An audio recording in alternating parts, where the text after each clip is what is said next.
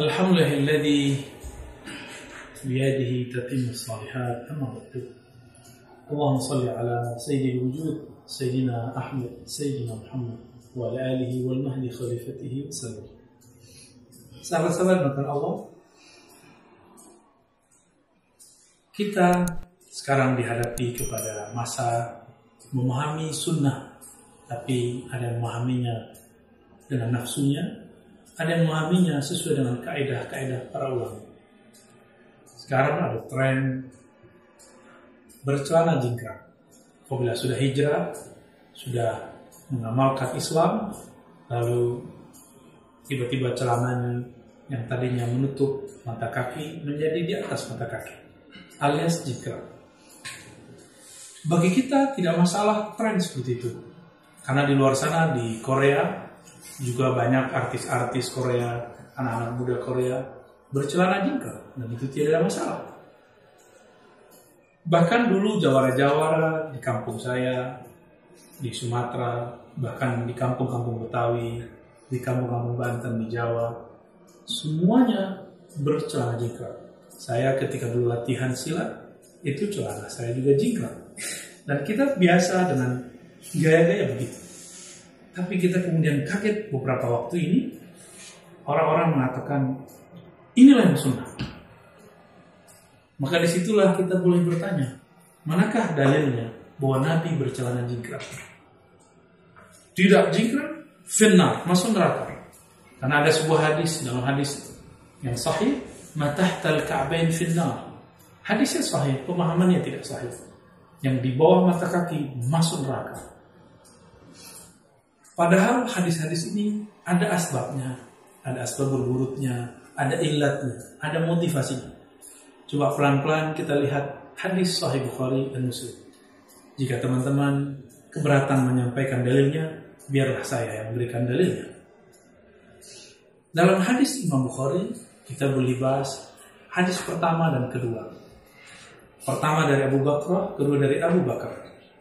Abu Bakar meriwayatkan bahwa Nabi keluar dari rumah beliau, sarungnya yajuru saubah. Sarungnya dibiarkan menutupi kakinya, mata kakinya. Lalu beliau masuk masjid dan sholat tiba-tiba diikuti para sahabat terjadilah sholat jamaah, sholat kusuf, gerhana matahari. Ulama kita berbeda pendapat mengenai matahari apakah kusuf atau khusuf. Bagi ahli hadis semuanya dianggap sama. Hadis ini kemudian menunjukkan bahwa Nabi sholat sarungnya di bawah mata kaki. Nabi pakai sarung. Di hadis kedua, Nabi pun mengatakan hal yang sama. Dari Ibnu Umar dihadiri oleh Abu Bakar, Allah SWT tidak memandang kepada orang yang ya jurul sabahu khuyala. Yang memanjangkan sarungnya, kainnya di bawah mata kaki karena khuyala. Karena dia memandang dirinya lebih baik dari orang lain asbab pakaiannya. Ini yang disebut khuyala. Khuyala itu rasa merasa lebih mulia, merasa lebih keren dalam bab zahir yaitu pakaian. Kalau kibria merasa batinnya lebih mulia dari orang. Ini dua hal yang berbeda. Khuyala atau makhila adalah kesombongan yang disebabkan oleh pakaian atau aksesoris. Sedangkan kibria, kibr adalah kesombongan yang disebabkan oleh sisi batin. Ilmuka, zikirka, makomka. Sahabat-sahabat Allah, maka di hadis Imam Nasai, hadis imam yang lain, Ibnu Majah dan lainnya, ada tambahan. Bahwasanya khuyala al-isbal itu ada tiga. Al-isbal salasa. Isbal itu ada tiga. Fil imama, sorban, kamis, baju, wal izar, dan sarung. Ternyata di zaman itu tidak ada tren menggunakan celana. Trennya dulu adalah semua orang bersarung, bahkan Nabi perang pun menggunakan sarung yang khusus.